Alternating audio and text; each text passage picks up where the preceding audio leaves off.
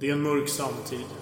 Av det fordom så stora, mäktiga, stolta, krigiska riket så finns det bara minnen kvar. Den tid då Frankrikes folk, oavsett samhällsklass, gick i armkrok och delade på fromage à pâte persillé och sjöng kampsånger är över. Nu har den där affären splittrat samhället. Allt har blivit politiserat. Runt omkring på gatorna så ser du bara övergödda, besinningslösa människor. Du går hem och sveper ett glas med armagnac, blåser ut ljuset och lägger dig i din säng. Du blundar. Du tittar upp. Något mirakulöst har hänt. Något muskulöst har hänt. Runt omkring dig så ser du vältränade fransmän. Deras bensenor pumpas av blod och musklerna rör sig lika välsmort som ett schweiziskt urverk. Deras mustascher är välvaxade. De cyklar längs de franska ängarna, över de franska bergen, genom natten, genom dagen. En tävling där gentlemannaidealen råder. Inga tjuvknep, inget fusk. Man mot man. Tillsammans, men ändå ensam. En omänsklig utmaning. Där endast en kan stå som slutgiltig segrare. Segraren kommer vara den starkaste, uthålligaste och ärligaste. Du blundar och tittar upp igen. Världen är lika grå som igår. Men nu vet du varför du lever. Du är utsänd av Gud för att färga den mörka världen med ett gult skimmer. Mitt konunganamn skall vara Karl den sextonde Gustav. We shall never surrender. allen Zeiten nicht die Mehrheit! Kom inte med en sån jävla provocerande och aggressiv ton mot mig. Där har våldet triumferat. Ask not what your country can do for you.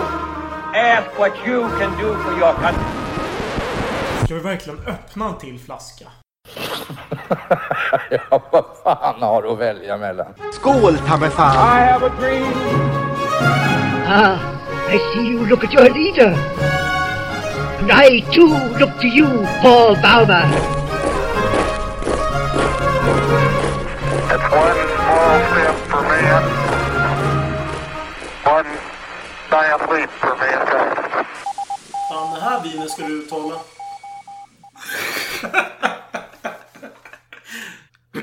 Varmt välkomna till Salongsberusad historia.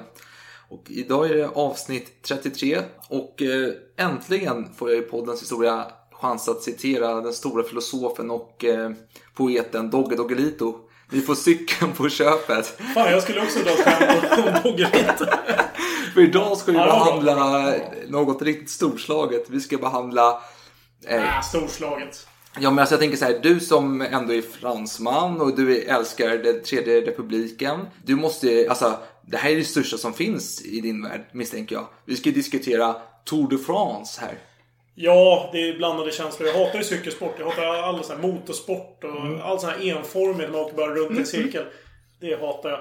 Med det sagt så är jag ändå rätt så entusiastisk för det här avsnittet. Ja, ja men för det var lite kul för när vi pratade om det här. Eh, så du, jag håller med dig i din analys. Alltså, det hade varit, hade vi pratat om ishockey eller fotboll varit lite roligare. Men jag säger som jag sa då att eh, under den minsta stenen kan man finna de största diamanterna och eh, det känns som att vi har hittat en hel del diamanter här. Och det vi ska behandla är ju Ja, uppkomsten utav själva Ja, eh, tävlingens guldålder Ja, skulle jag vilja kalla ja. Så vi går igenom kanske lite mer detaljerat de första två loppen och sen lite spridda skurar från kommande år. Ja, lite små saker här och där. Men jag måste bara fråga en annan sak här. Känner du någon gång att eh, du undrar varför du håller på med den här jäkla podden för? Att Ja, du, ganska ofta. vad får dig att fortsätta? Som det jag visste. Nej, det, jag vet inte. Jag gillar ju vin och jag gillar historia, så det är väl kanske de två. Ja. ja. Det det är liksom svårt att säga nej till något av dem. Ja. jo, jo, jag förstår det. Nej, men ibland, jag, jag får också sådana där känslor ibland. Eh, framförallt efter vi hade spelat in eh, ursäkta, Karl den XII del 3 och 4 där. Men då kanske mest för att vara bakfull och jäktig dagen efteråt så man börjar ifrågasätta existensen över ens liv överhuvudtaget. Men eh, jag tänkte så här. Om du frågar mig, för du, du frågar Ja, inte. jag dig också. Ja, jo, nej, men jag tänker, det har varit alla hjärtans dag här, så jag tänkte bara skicka ut en liten hälsning till de som gör att man orkar, eller som man får lite motivation ibland, och det är alla lyssnare först och främst. Men de som får lite extra klapp på axeln är alla ni som har betygsatt och kommenterat och skickat feedback på avsnitt och sånt. Det är, det är extra roligt tycker jag. Så en, ett stort tack till er för att ni bemödar er och gör det. Ja, det får vi verkligen tacka för. Och eh, med det sagt så är det dags för revansch då. Vi ska snacka om Tour de France. Och för att vi rör oss ju... Revansch, ja, från de här hemska avsnitten. Ja, Ja, hemska är väl men ja. Eh, ja för oss personligen. Ja. Du hamnar ju i någon busstation där. Ja, det var ju inte det- våra finest moment. det är bussgaraget Om, där. om, man ska citera Churchill. Nej, precis. verkligen inte. Men eh, nu hoppas jag att det är faktiskt lördag. Vad är det för datum idag? Det är den 16 februari tror jag. Mm. Och eh, klockan är... Ja, Inte jättemycket. nej, 23 och solen skiner. Det känns som en vårdag. Så det Ändå känns... har vi tänt ljusen. Vår trotjänare som håller dem uppe. Ja, nej, men det känns bra här tycker jag. Att jag, jag känner mig taggad. Vi har ätit lunch, druckit öl, så jag är redo.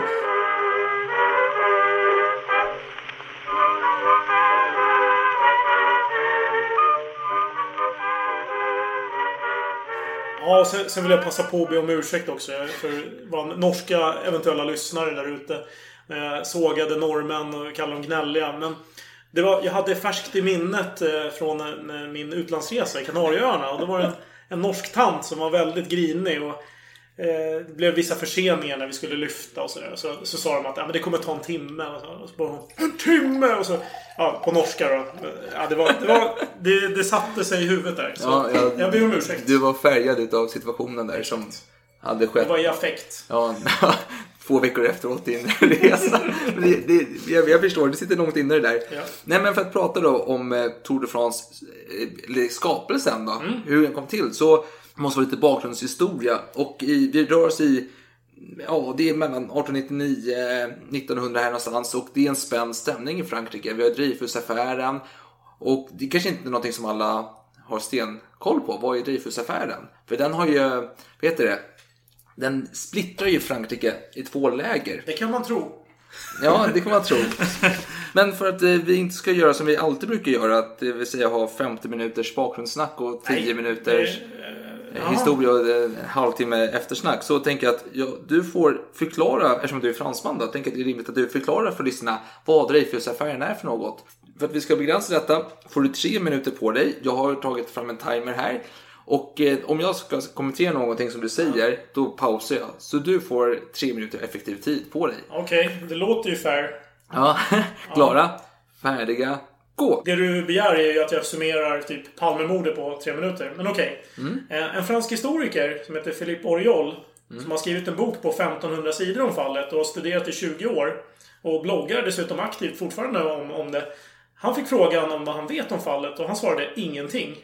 Eh, Så då vet jag då mindre än ingenting om, det här. Men, Ja, men det kan, men, men vänta, förlåt. Om man har ägnat hela sitt liv åt detta fall kan ingenting, det måste man väl Men han är ju ganska- lite ironisk såklart. Ja, men det är väl det, det är ganska mer att han hittar nya saker hela tiden. Nya, det är som en kringelikrokar liksom. Ja, ja, jo, men Ja. du ska ju förklara på tre minuter. Det det kostar här, två jag, sekunder. jag ja. fortsätter. Det här är min nuvarande bild då, och eh, Dreyfusaffären pågick mellan, man kan säga 1894 till 1906 ungefär. Mm. Det är en mycket invecklad historia som inbegriper vittnesmål från en alkoholiserad gendarmofficer, Mm. en spåkvinna, hemliga dokument, kryptiska brev med mera.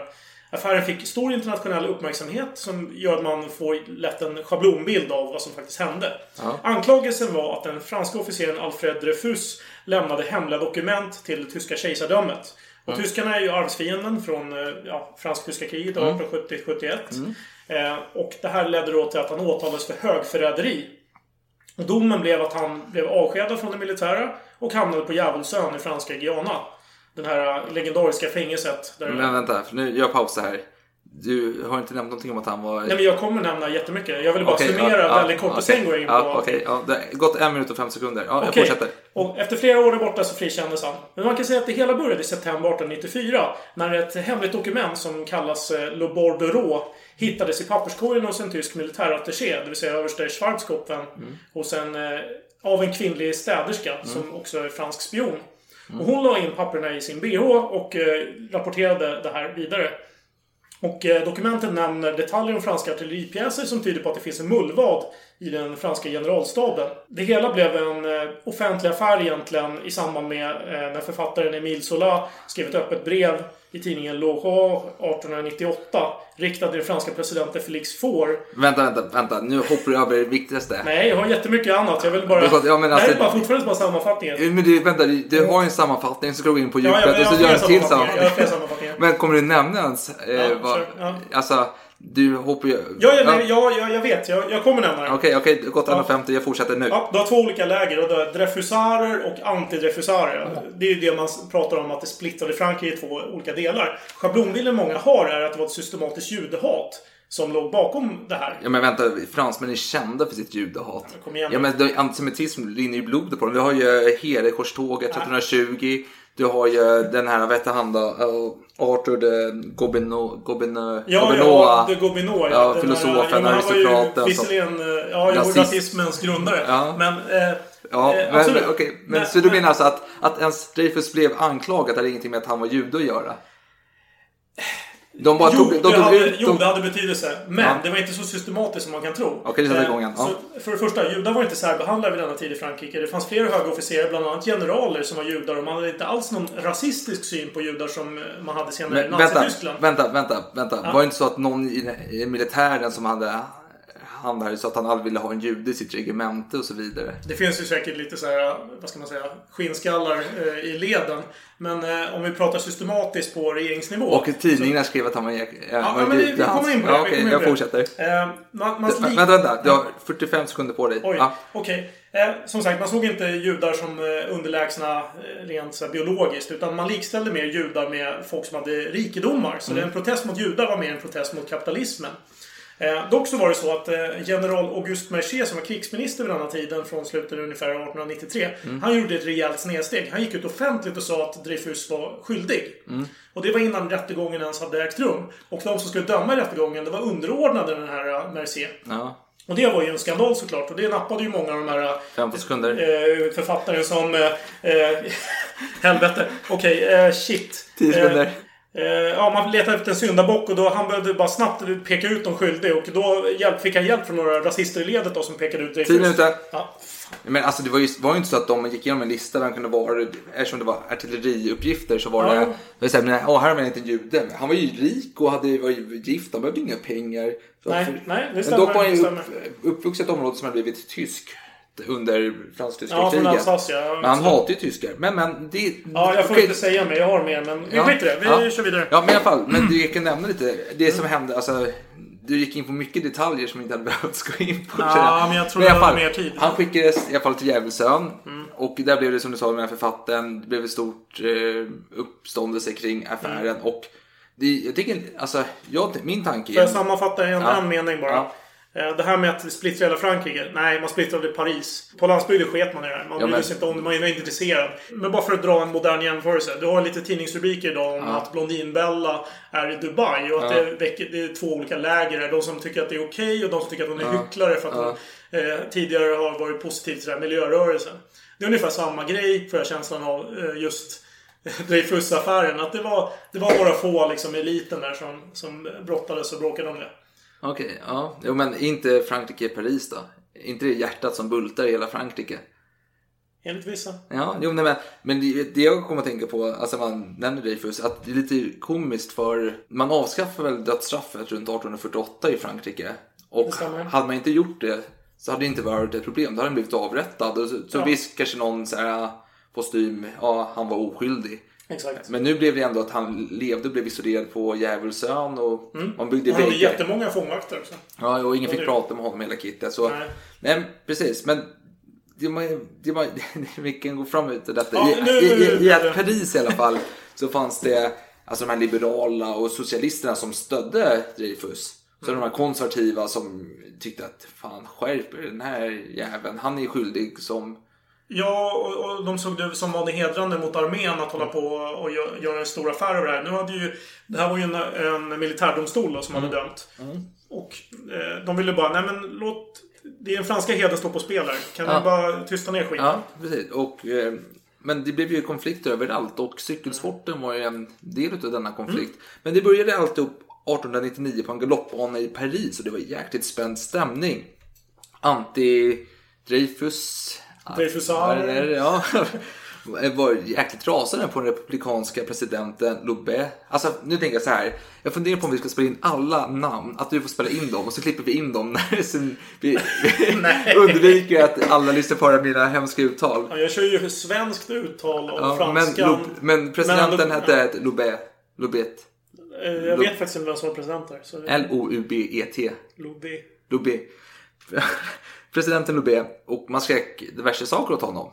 Så den jävel liksom, skärp dig, den jävel Dreyfus ska dö liksom. Sluta vara så jävla klen. Och på en läktare i närheten satt en sköna baroner och industrimän liksom. Och satt och säkert lite berusade, drack lite sköna veckor och sådär. Och de gormade mest utav alla liksom. Någon satt och skrek som fan. Han var klen, han var dålig, han var värdelös den här presidenten. Det var massa liberaler och socialistiska töntar som smyger runt och är pro-Dreyfus liksom. Vad fan skärp dig, du kan inte låta dem hålla på så här. Använd din makt liksom militären för att trycka ner dessa jäkla svin. Och eh, de blev så upprörda de här baronerna och industrimagnaterna så de eh, tog sig fram till presidenten och började så här, vet, hytta med armarna och sina käppar. Och presidenten fick ett slag över nacken med en käpp utav en adelsman eller industriman vad det kan vara. Och eh, de här rika oliganerna fick gripas och sätta sig i häktet. Och en utav dem var landets rikaste och mäktigaste industriman. Greve Dion och eh, Parisidningen Le Petit Journals redaktör Pierre Giffard. Han var för övrigt eh, riddare utav hederslegionen. Det är lite en cred för honom. Men han hade beskådat allt på plats och han var upprörd. Han tyckte, fan, hur beter ni er? Ni ska ändå vara baroner, grevar, rika människor här liksom. Ni beter er som slödder. Och han skrev riktigt hemskt, eller ja, kanske rättfärdigt men hemskt. Alltså karaktärsmord, inte karaktärsmord utan han beskrev verkligheten. Ja, jo, visst. Ja, han skrev vad som hände. Stack i ögonen på Ja. de som Ja, avbehandlades. Precis, och han gick till med ner till häktet eller vad det var, fängelset. Där greve John satt och han gick fram och skällde ut honom öga mot öga. Alltså han är fransman, han är ändå hederslegionär liksom. Det, då, då har man då har man heder. Och eh, den här Giffard-killen då, han bevakar ju Dreyfusaffären och tidningen. Och sen var han även redaktör åt cykeltidningen Le Velo. Eller Just Velo.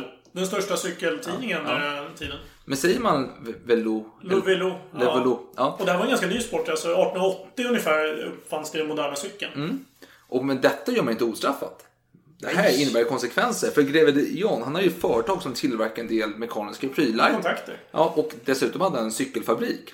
Mm. Och den här killen skrev ju om cyklar. Den här äh, Giffard, eller vad fan Ja, var inte de sponsorer också till den här tidningen? Jo, precis. Giffard- De hade ju massa annonser till tidningen som man drog in helt plötsligt och han hade ju polare. Så det blev ju hårda konsekvenser för tidningen Levelo. För att få full hämnd så måste man även starta en egen tidning. Ja. Ja, det måste man göra. Man måste konkurrera ut den här jäveln. Stämmer med bilden här med Dreyfusar mot anti-Dreyfusar. Mm. om, om Dreyfusarerna har en tidning, då måste vi ha en tidning också. Precis. Och framförallt jämfört med det här liberala som som Levelora så måste man ju ha en opolitisk tidning. Ja, så man skulle kunna garantera... Jo, för de eh, smällde in i de här Lovelos eh, tidningsinslag var det inte bara om cyklar utan det var även Dreyfusaffären på ett sätt som inte de här anti-Dreyfusarerna uppskattade. Nej, precis. Så då tänkte man att om vi tar en politisk neutral tidning så kan vi få in annonsörer som, behöver, som ej behöver beblandas med denna politiska åsikter. Ja, så är det bra önskvärt. tänkt. Och att starta en tidning är inte billigt så till sin hjälp hade han stjärnskottet till däcktillverkare Edouard Michelin. Oj! Har du mitt Michelin. skämt här? Stjärnskottet. Stjärnskottet och Michelin. Michelin-guide, stjärna, Michelin-guide. Ja, ja, den var bra. Den var bra. Jag tänker ju faktiskt på bildäckstillverkaren. Inte bara restaurangguiden. Nej, nej, men- nej. men- Ja, Ja. visst. Absolut. Och sen hade man också André Clemente som också höll på med däck. Och som chefredaktör måste man ju ha en person som är rutinerad, kan mycket. Och det finns en person i Paris som man tänker på. Och det är en man som en gång i tiden hade rekord på längst distans på 60 minuter på trehjuling. Wow. Trehjuling. Var han eh, 1,20 lång den här rekordhållaren? nej, nej, det var ju såklart inte moderna trehjulingar vi pratade om. här. Det låter kul. ja, i alla fall. Men han hade cyklat 35 kilometer på 60 minuter. och Han hette Henri de Grange. De Grange. De Grange, men förlåt, tack. En man som efter sin karriär som cyklist då, på trehjuling hade investerat pengar i cykelbanor runt om i Paris. Så han var inne i sporten så att säga. Och Desgrange övertalade direktören för en av cykelbanorna, en man vid namn Victor Godet, att bli ekonomichef. Och eh, år 1900, den 16 oktober, släpptes det första numret av den nya tidningen Lauto Velo. Det vill säga typ bilcykel om Ja. man ska översätta man, man hade i gult papper. Det är kul med den gula ledartröjan som kom en bit senare. Då. senare, långt Ja. Men att namnet är ganska likt ändå. Tillräckligt likt för att man ska bli upprörd. Precis, så Pierre Giffard som har den här tidningen, Levelo, han drar dem till rätten. Och eh, Desgrange förlorar och fick döpa om tidningen till Lotto. Lotto. Alltså tog bort den här velourdelen. Ja. Men det här är lite problematiskt va? För att då heter tidningen bara bil när den handlar om cyklar. så att de fick ju ha en så här underrubrik till tidningen som säger bara ja men det handlar om eh, cyklar också och lite annat. Bra gradering ändå. Men eh, Levol... eh, Men Levol... Lovelo. Men Levelo, som var den stora tidningen då, de var ju kända för att anordna flera tuffa cykellopp, bland annat mellan Bordeaux och Paris. Men Desgrange och hans tidning, Lotto, försökte konkurrera och starta ett eget lopp mellan Marseille och Paris. Och eh, det gick bra. Det var bra, hyfsad uppslutning. Men inte nog med det, man skapade även ett konkurrerande lopp mellan Bordeaux och Paris. Där vinnaren var snabbare än vinnaren i Levelos tävling. Är Hela fyra timmar snabbare faktiskt. Och den vinnaren hette Maurice Garin. Och han, blev, han kallades för den vita bulldoggen. Just det. Vill du, vill du beskriva varför? Ja, han hade ju gärna en vit jacka på sig, eller en vit tröja. Det berodde lite på. Han, Ja, ylletröja dessutom. Ja.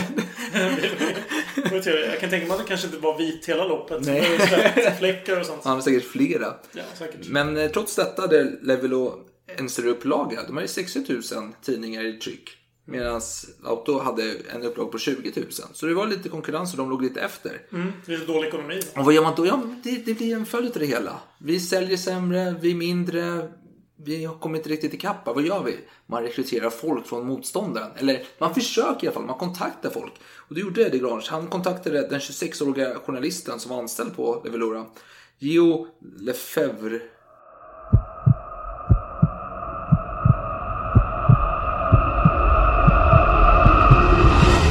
Jättebra uttal.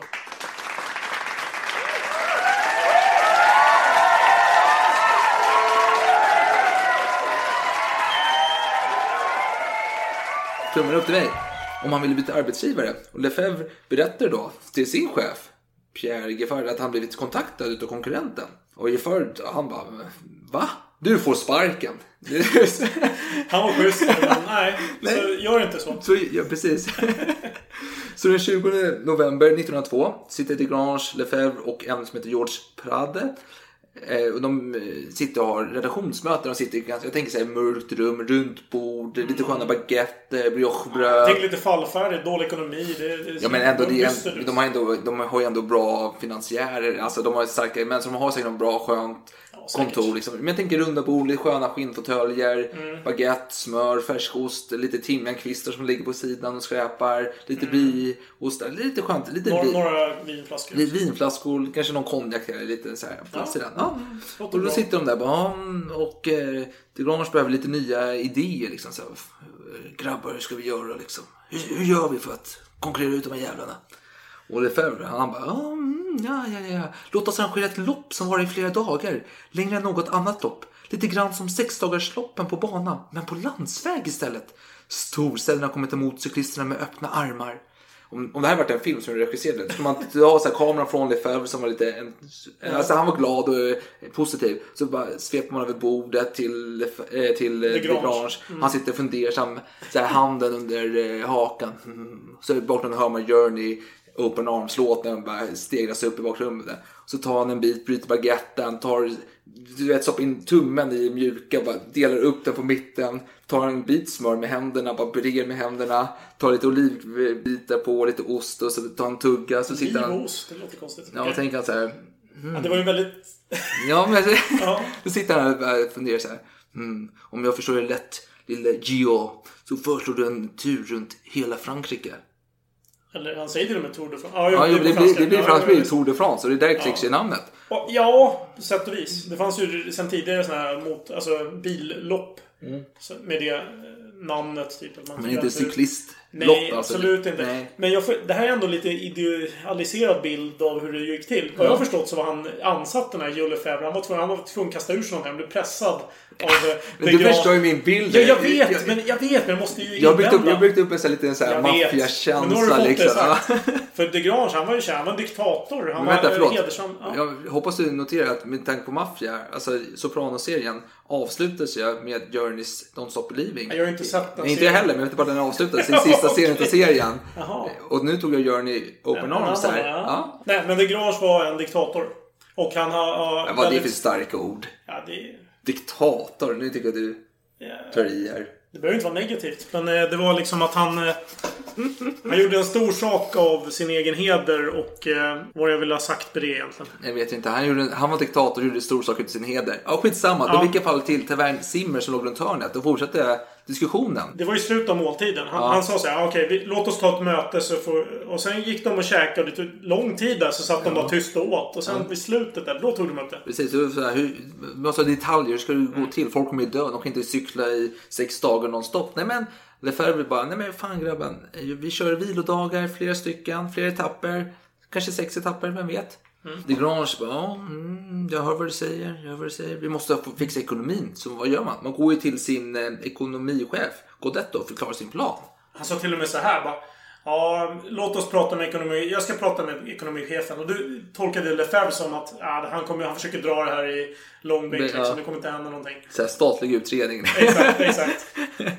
Då så gick han dit till Godetto och förklarade sin affärsplan. Liksom, eller, jag tänker så här, i det här läget, han lägger fram det lite som att det är inte riktigt hans idé om den mottags dåligt. men, det är exakt. hans, men det är hans idé om den mottags bra. Det tror jag absolut Ja. på. Det låter verkligen som Ja. honom. Så han sitter där och tänker så här och berättar själva upplägget. Jag har en konstig idé ja, här. ja, och Godett liksom så bara, han lyssnar och funderar så bara, han hör ju det. Han bara, han går till kassaskåpet och öppnar och säger så här. Bara ta för dig, ett sådant lopp kommer ge mig tillräckligt med pengar för att köpa ett ännu större kassaskåp. Vilken skön lirare. Så vet, han säkert cigarr i munnen och liksom så här. Jag, anti- jag, jag kör tummarna med, med, med vad heter det då? Ja, med hängslen. Hängslena. Så har han säkert en sån här bild på Dreyfus på väggen. Så lite med här saker kring Med- med Liksom. såna pilar på. Ja, precis. Ja, men något sånt där. Liksom. Det känns som en riktig Jag ekonomi. vet inte hur riktigt de där två bilderna gick ihop med varandra. Han, han var en nöjd kille och sen hade han försökt... Jo, men på frid, alltså, hur mycket kan han ha att göra när han sitter där på kontoret och är ekonomichef? Ja, ja, han är uttråkad och Han han, har- är rik. ja, och han kastar pil. på Dreyfus. Ja, Ja, ja, han Okej, nu är jag med. Och två månader senare, den 19 januari 1903, kom nyheten, presenterade i tidningen då, Lauto, att man ska arrangera världens största cykellopp som skulle starta den 1 juni och avslutas den 5 juli.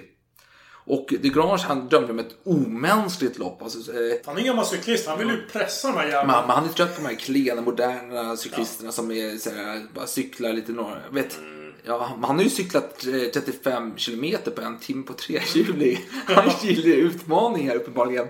Så, och han skriver ju om detta i tidningen. Att det ska vara ett hemskt lopp. Det är ju bara de mest muskulösa, fantastiska männen som kommer klara detta. Och detta skrämmer ju bort väldigt månnga. Och det var inte jättebra prisspänning heller. Så folk Ja. skeptiska. Det var nästan ingen som ville ställa upp. Och eh, eftersom att det var så lågt intresse så fick man skjuta fram starten till 1 juli. Men det var mest amatörer fortfarande som var anmälda, inga professionella cyklister. Och det, dels var det för att de cyklade redan så mycket. Det fanns, alltså, långa lopp fanns det gott om i, runt om i världen. Det fanns eh, i USA sexdagars lopp mellan olika städer och så vidare. Och man var ganska fullbokad där som cyklist i Frankrike. Men startavgiften på 20 franc, det var avskrämd. Det, är ungefär runt 800 till 1000 kronor idag. Och eh, sen tillkom ju avgifter för, alltså det är inte så att du fick boende på köpet eller? Nej, och du, och du fick ta med mat och allt. Ja, själv. alltså du fick ju boka boende själv liksom. Så här, det, det gick över natten också, så Ja. det var ju knepigt. Man, Det var nästan som man fick packa med ett tält liksom på slutet. Så man kortade ner loppet till tre veckor och det skulle vara mellan 1 juli och 18 juli och man minskade startavgiften. Och sen skulle åkarna få 5 franc i heter, det, traktamente per dag. De var borta också och reste. Till slut blev det 70 stycken anmälningar. Och det var lite protester va, kring hur man hade mätt upp den här banan. Man hade tänkt sig att man skulle åka upp till Pyrenéerna i en etapp. Ja. Eh, För det var någon vän där till De Grange som hade insisterat på att det var en bra idé. Men det lät ju omänskligt jobbigt för en cyklist att göra det. För att de här cy- cyklarna som de cyklar på, de var ju inte lätta. Nej. Väger, nej. inte vet jag, jag, nu bara höftar jag, men 15 kilo eller något sånt där. mellan 15-20 kilo. Och sen hade de ju liksom massa packning och grejer. Så det var ju en mardröm. Och sen försöka köra upp för berg med den packningen. Det var ju fruktansvärt. Ja, ja, absolut. Det strök man ju. Ja.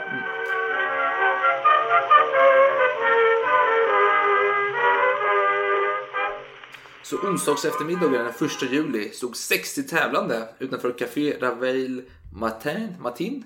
Ja, det en, li- lite utanför Paris egentligen. Ja. Någonstans. Jag tänker på bara Martin, det är ju färsen när han ska ta eh, Marie Antoinette och Ludvig 16 ut ur staden så åker de till eh, Martin utanför Paris. Men det här är Martin. Ja, jag känner inte igen namnet. Jag tror att det är olika ja. Jo, jo, men är bara Ja, ja, ja. koppling till Ja, färsen. okej. Det kan man alltid ha. Fan, du med dina kopplingar till färsen. Det Ja. känns nästan som ett vadslagning. Men de här kanske. 60 deltagarna i alla fall. Det, var ju, om man vill jämföra med nutid så är det ungefär 176 deltagare Det är så? förra året. Ja. Mm. Och ändå lite färre än det var tidigare. 21 utav dem tävlade, tävlade för cykeltillverkare. Så det var ju ändå ganska bra uppslutning. Och de fick med sina cyklar, vet jag, tänk man, ser dem, man sitter med sina baskrar på och någon liten så här mm, cigarett och sitter och skruvar med en mutter här på cykeln och så här. Och när de var klara gick de och samlades och tog en gruppbild. Liksom. Det måste man ju föreviga. Och eh, de Grange, han var ju ett nervvrak. Han vågade inte röra sig någonstans. Han satt där, för han har ju investerat så mycket utav sin heder i, det, i denna tävling. Ja, han försökte ju minimera den risken genom att Jo, inte beblanda sig så mycket. Nej, men han har ju lyft upp den under inför. Han har ju höjt den till skyarna och investerat en hel del i detta. Så han, ja. han, han vill hålla sig På undan. sätt och vis. Men han han vill väl inte gå all in om man säger. Nej. Så han höll sig väldigt anonym just här. Han överlät ju till den här Joe Lefebvre att sköta egentligen alla arrangemang. Jo, men han vågade inte. Han var ju så rädd av sig. Men i alla fall, Tour de France idag. Du ser de här äh, spinkiga, muskulösa männen Mm. som sitter och cyklar liksom bara skön. Någon hjälm, lite solglasögon, en vattenflaska kanske. Det är det de har liksom. Ja, plastkläder typ. Ja, men alltså det är bara senor och muskler och effektivitet rakt igenom. På den här tiden, här, du hade ju proviant och verktyg. Om din cykel gick sönder, du fick ju laga den på plats själv. Precis. Och på styret hängde det flaskor med vin och vatten. Ja, cyklisterna hade ju inte råd med några bilar som körde bakom och gav dem service. Nej, nej, nej. Visserligen kanske en del av dem fick bättre service än andra, men det ska vi kanske inte gå in på så nej. Nej, men och det, alltså en packning för en vanlig cyklist kunde ju väga runt 30 kilo under det här Mm. eh. Och det var ju långa ödesträckor också där det inte fanns någon form av övervakning alls. Mm. Jo, så det är... Det är en teaser, jag vill inte säga mer om det. Men strax efter 15, klockan 15 på eftermiddagen, eller 15.16 ungefär, så var alla klara och begav sig till startpunkten som låg 500 meter från kaféet. Och eh, George Abram, som någon hette, Någon, någon lirare under... ja, som jobbar på tidningen, ja, han höjde sin pistol och sköt och det första Tour de France var igång. Och loppet, vill du berätta lite mer detaljer om loppet? Vad det bestod av? Absolut, det kan jag göra. Det var 2428 kilometer vid den här tiden. Att jämföra med förra året, det vill säga 2018, så var det 3351 kilometer. Men den stora skillnaden var ju att vid den här tiden så var det ju nattcykling. Och eh, etapperna var betydligt längre än de är idag. Ja, den sista etappen var ju extremt lång. Det var ju 47 mil. 47,1 mil till och med. Ja, men till och med. Eh, däremot så var det ju flera vilodagar mellan etapperna. Så det ska man ju nämna. Men, men just att det är nattetid och sådär, det ställer till en del. Dels så är ju övervakningen kanske svårare att göra. Över att det går rätt till, om man säger. Och sen var det även så att etapperna kunde avslutas i städer. Och det, det kommer vi återkomma Ja. till i nästa års lopp. Varför Ja. det är ett problem. Ja, det kan man säga. Men om vi kan säga så här. Lauto, de eh, skrev ju om denna tävling. Då. Det är deras tävling. Så de skriver det. Och man kunde läsa då så här efter startskottet i tidningen. Vem ska avgå med segern och trädde in i Dipantion dit var det största tillträde? Ja, jag tvekar inte att peka ut Maurice Karin, den vita bulldoggen, som min favorit. Och den här vita bulldoggen då, Karin, han var en kort herre på 162 centimeter lång ungefär. Jag gillar din så här 30-tal svenska radioröster. Det var bra. Ja. Men han var inte en idealman som De Grange ville ha. De Grange, Eh, han, han ville ju ha en muskulös eh, Gaston, alltså från Skönheten och odjuret. Liksom, Som vi kunde- pratar om hela tiden. Ja. Men, Nidbilden ja, men den, största, den största utmaningen på förhand var Hippolyte Acouturier som var en muskulös herre. Ja, men ja, han. Han är ju under... Alltså, Och jag tänker så här, det är så många namn här så jag tänker Hippolyte, ska vi inte kalla honom för Ja, flodhästen har istället? ja, det skulle man kunna göra. Men jag, jag, jag, har, tittat, jag har kollat lite på en bild på honom. Mm. Jag tänker att han ser ut som eh, Super Marios antagonist eh, Wario.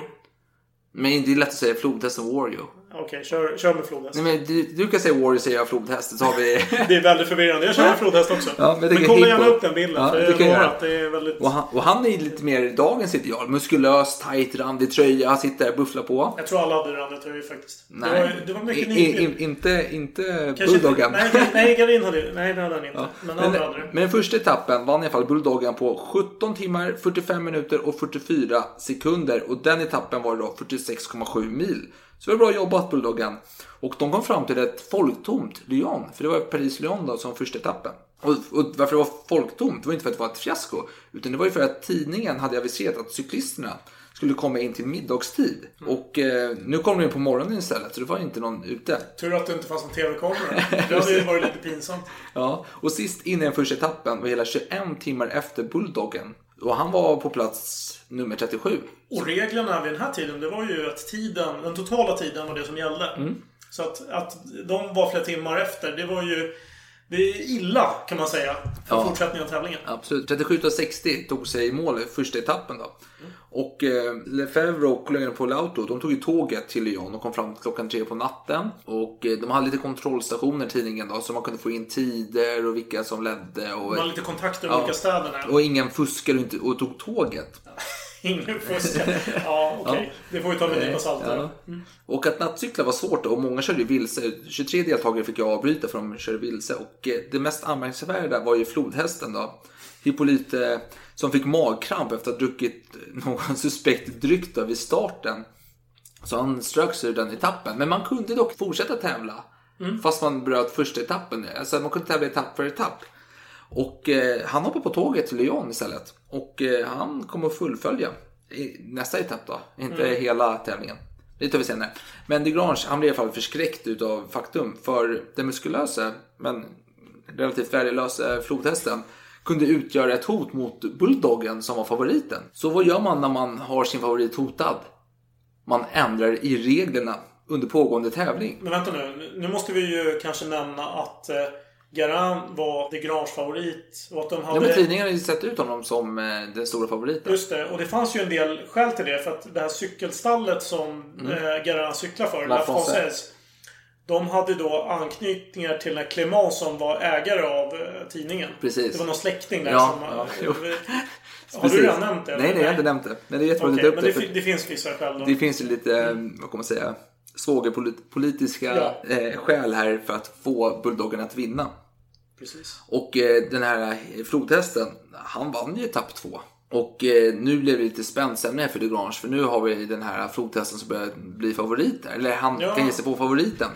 Och så inför den tredje etappen så kom man ju på nya regler som sagt. Och eh, då meddelade Degrange att etapp tre mellan Marseille och Toulouse, det var egentligen två olika lopp. Dels Tour de France för de som hade fullföljt de andra två. Och dels en enskild Marseille till Toulouse för de som hade brutit ett lopp.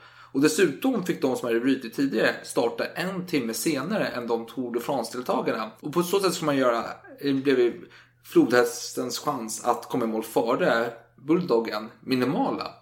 Så då kunde man ändå Jag tycker få... det är rättvist om man tar tåget till nästa etapp medan den andra håller på och cyklar hela natt, nätter liksom. Jag tycker ändå att det inte Ja, är helt nej, nej. konstigt. Men flodhästen lyckades i alla fall. Han var ju i stor form här. Så han eh, åkte förbi flera Tour de France-deltagare och eh, var bäst på tappen med sina 17 timmar 55 minuter och en sekund. Och i tappen då kanske du undrar hur lång är den egentligen? Jo men den är 42,3 mil. Sen ska vi se att de här tiderna som eh, flodhästen gör ska vi ta med en nypa salt. För vi kommer ju återkomma till honom i nästa Mm. års tävling. Så vi ska inte fästa oss för mycket vid hur snabb han var. Men i alla fall, han var 32 minuter snabbare än Bulldoggen. Men eh, i fjärde etappen fick han magsmärtor igen. Oj. Tydligen drack han för mycket vatten. Och detta kan jämföras med Leon Le Brutal George som åt en massa hallon och kex och drack surt vin istället. Som var publikfavorit. Han klarade sig bra. För vatten i en uppvärmd... Kallt vatten Ja. framförallt är ett problem. Ja, när man är en ansträngd liten kropp eller stor muskulös kropp som flodhästen hade. Det skapar problem. Och eh, flodhästen, eh, han kämpar ju trots stora smärtor. Men var med i den första massvurpan i Tour de France historia. Det var en hund som sprang över vägen. Så då fick de eh, väja undan och alla ramlade på varandra. Så han fick ju fullt med skrapsår, fick åka tåg hem till Paris och lägga lite bandage och plåster på såret liksom. Och hoppas på bättre lycka nästa år. Och eh, Bulldoggen han var ju La Française-åkare som du nämnde tidigare och han vann de sista två etapperna. Och var först över mållinjen på Parc des Pra- Parc des Princes, ja. Det är Ja. nuvarande Paris Saint-Germains eh, hemmaarena Mm. fotboll. massiv publik. Hundratusentals åskådare var där på platsen och vinnartiden var 94 timmar, 33 minuter och 14 sekunder. Och tvåan var 2 timmar 59 minuter senare. Och tian var 4 timmar och 30 minuter senare. Och sammanlagt var det 21 åkare som kom i mål. Och vinstsumman 6075 francs. Okej. Det är ganska stor vinstsumma. Det är, det är Ja, men precis. Och det är att jämföra med 5 miljoner ungefär i nuvarande prispenning för vinnaren. Då. Ja, man ja. har ju viktat det där lite olika med, mellan åren då. Om man ska ge mer till segraren eller till tvåan och trean och så Ja. vidare. Det finns olika skäl till det. Vi ska inte gå in Okej, på det. nej, nej, Vi nej. Bara har i bakhuvudet. Men tidningen, de här, Lauto, de har i alla fall en specialtidning ut med allting om Bulldoggens seger ute i butik sju minuter efter hans målgång. Oj, imponerande. Mm. Det väcker funderingar om inte annat. Jag tänker på den här mannen som skålar på Café Opera eh, typ någon minut efter Palme var död. Eller vad det nu var. Jag kommer inte ihåg exakt. Det var... Just det, Palme död, ja. 130 000 ex sålde tidningen i alla fall, eller den trycktes upp i 130 000 upplagor rättare sagt. Och eh, efter detta kom tidningen att öka till sin upplaga till 63 000 exemplar dagligen. Mm. Och Lovelo gick ju åt helvete. Ja, de gick i konkurs året efteråt. Ja. Och eh, Bulldoggen, Maurice Garin, kommenterade hela första tävlingen så här. Allt sammans har utplånats ur mitt minne. 250 milen är som en enda långt grått streck. Men jag hade det kämpigt längs vägen. Jag var törstig, jag höll på att segna ner. Jag led, jag grät mellan Lyon och Marseille. Det var ett tufft lopp. Det var ju jättelånga Och det var ju etapper. en, uppenbarligen var det ju en tävling för övermänniskor. Det här var ju alltså hårdaste i virket. Tyngre cyklar man har idag och längre etapper. Ja. Det säger ju allt egentligen. Ja. Och de hade med sig packning på cyklarna. Mm. Och, ja, det var ju mardröm. De hade ju inga bilar som serverade dem eh, dryck Nej, nej. och sådär. Men sånt. dock så var det fusk. Ja, jo, för, för, för eh, Bulldoggen och alla andra långt från åkare hade mot betalning fått draghjälp av andra åkare. Mm. Och vissa hade åkt tåg mellan vissa sträckor. Andra krossade flaskor och stängde på vägen som andra fick punktering. Och det blev även bråk i La Française-stallet. För en schweizare brutit ett lopp och eh, fortsatte cykla ändå. För att La Française-stallet är ju gett honom betalt för att Mm. ta med sig en reservcykel ifall någon annan cykel skulle gå sönder på vägen. Just det. Och då var det Bulldoggen satt och cyklade med sina stallkamrater i fronten liksom. Och det de var bra. Och eh, en av de här kamraterna var en bra spurtare kan vi säga. Och han fick punktering och hamnade efter. Och då kom den här schweizaren med sin reservcykel. Så den här spurtaren, han tog i cykeln och bara cyklade ikapp sina kompisar där framme. Och de bara, vad fan gör du liksom? Så här, skärp dig, hoppa av den där cykeln. Bulldoggen bara, men gå av liksom, skärp dig! För den här spurten, om han skulle spurta i mål skulle han ha chans att vinna tävlingen. Och det gick inte. Så de började säga hoppa av för helvete. Han bara, jag vägrar, jag vägrar. Jag ska cykla min cykel. och så, så eh, Bulldoggens stallkamrat, han, han blev så jävla sur på den här spurten så han knuffade omkull honom. Så han ramlade bara aj, aj, français! Så blev jag helt upprörd så här. Och så Bulldoggen så här tvärnitar. Han, han, han är stenhård liksom. Han är Bulldog med sin vita ylletröja. Går fram, spänner blicken den här spurtaren. Går fram till hans cykel. Bara hoppar och stampar på den tills den går sönder. Oj, oj. Och sen så går han till sin cykel och cyklar vidare i mål då. Och, men nu är det så här att eh, en åskådare kommer till platsen och ger den här spurtaren sin cykel. Och spurtaren hinner cykla, i, inte i kapp, men han kommer i mål då en, ja, nio minuter efter Bulldoggen. Och han lämnar en protest in till ledningen.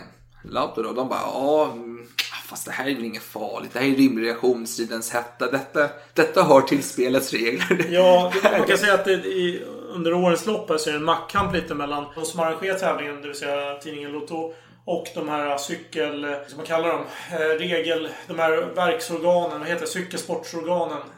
Ja. De som ska se till att det blir fair play och så Ja. UFV och de... Ja, precis. För- De Grange vill ju gärna påverka, men det... Jo, men de Grange har ju den här bilden av övermänniskan. Han vill ha den här... äh, Fast han gillar ju inte Couturier, alltså den här... Nej, nej, men han har... Men det är för att han cyklar för ett jo, annat stall. Ja, men han har investerat mycket i den här tävlingen trots allt. Ja, han har ju sin, han har ju sin Ja, Bulldog. och man vill inte ha en vinnare som har brutit första loppet på grund av magsmärtor. Nej, det är sant. Det är Man, sant. man vill ha den här övermänniskan som. Mm. åker till månen själv. Han bygger sin egen raket och flyger upp till månen. Precis. Men Vita före Bulldogen, han, han, han är ju inte biffig Nej, nej, men, nej, men han har ju ändå den här styrkan. han då- cyklar ja, liksom från precis. start till stopp. Ja, Kunde man absolut. tro då. Ja. Och applåder. Fantastisk, underbar tävling. Mm. Hundratusentals fransmän är jättenöjda. Och man tänker inte på Dreyfusaffären längre. Jo, lite kanske. Men inte lika mycket. Man enas och kramas och delar på en baguette tillsammans. Lady Lufsen-scenen fast med de här äh, socialisterna och liberalerna kontra de konservativa eh, maktmännen. Ja, men det som är lite kul med den här tävlingen är att det berör kanske större delen av Frankrike. I och med att loppet går runt hela Frankrike så alla får ju sin del av kakan. Jo, jo, men första delen. Ja, jag vet. Det är bara en liten ring där i mitten. Runt Paris, mer eller mindre. Ja, nu ska vi inte överdriva. men- Nej, men, jo, men såklart. Absolut. Men detta skapar en lite uppstämd... Alltså stämningen är hög inför den andra upplagan. 1904 års upplaga av Tour de France. Den bästa någonsin, enligt mig. Ja, Av instämmer. fel anledning, men Ja, ja, nej, men det- den är det. Ja, Den är mest underhållande. Ja, se- Eller ja, det kan ju också diskuteras.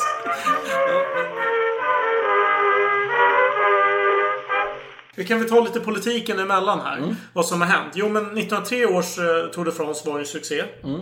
Och då blev ju den här de Grange, han, blev, ju- han kan ju sticka ut hakan lite mer. Ja, han behöver inte ja, hålla sig i ja. bakgrunden. Det Nej, var ju. Lefebvre som fick sköta allting då. Men nu, nu trädde han fram. Nu bara, men det är ju mitt lopp. Tjaha, och så vidare. Så han eh, gjorde lite maktspelare och flyttade Lefebvre. Så, sa åt honom att men du får bevaka rugby och sånt där. Men han var väl ändå med tror jag. Ja, han var med hela, Ja, långt in i tävlingen. Men det var mindre att han han hade mindre formellt ansvar tror jag. Det var väl det som var tanken. Fast ja, jo, man hade en stor del även under det här loppet. Mm. Kommer det visa sig. Och nu, nu hade man ju erfarenhet från 1903 års. Mm. Nu vet man vad som gäller.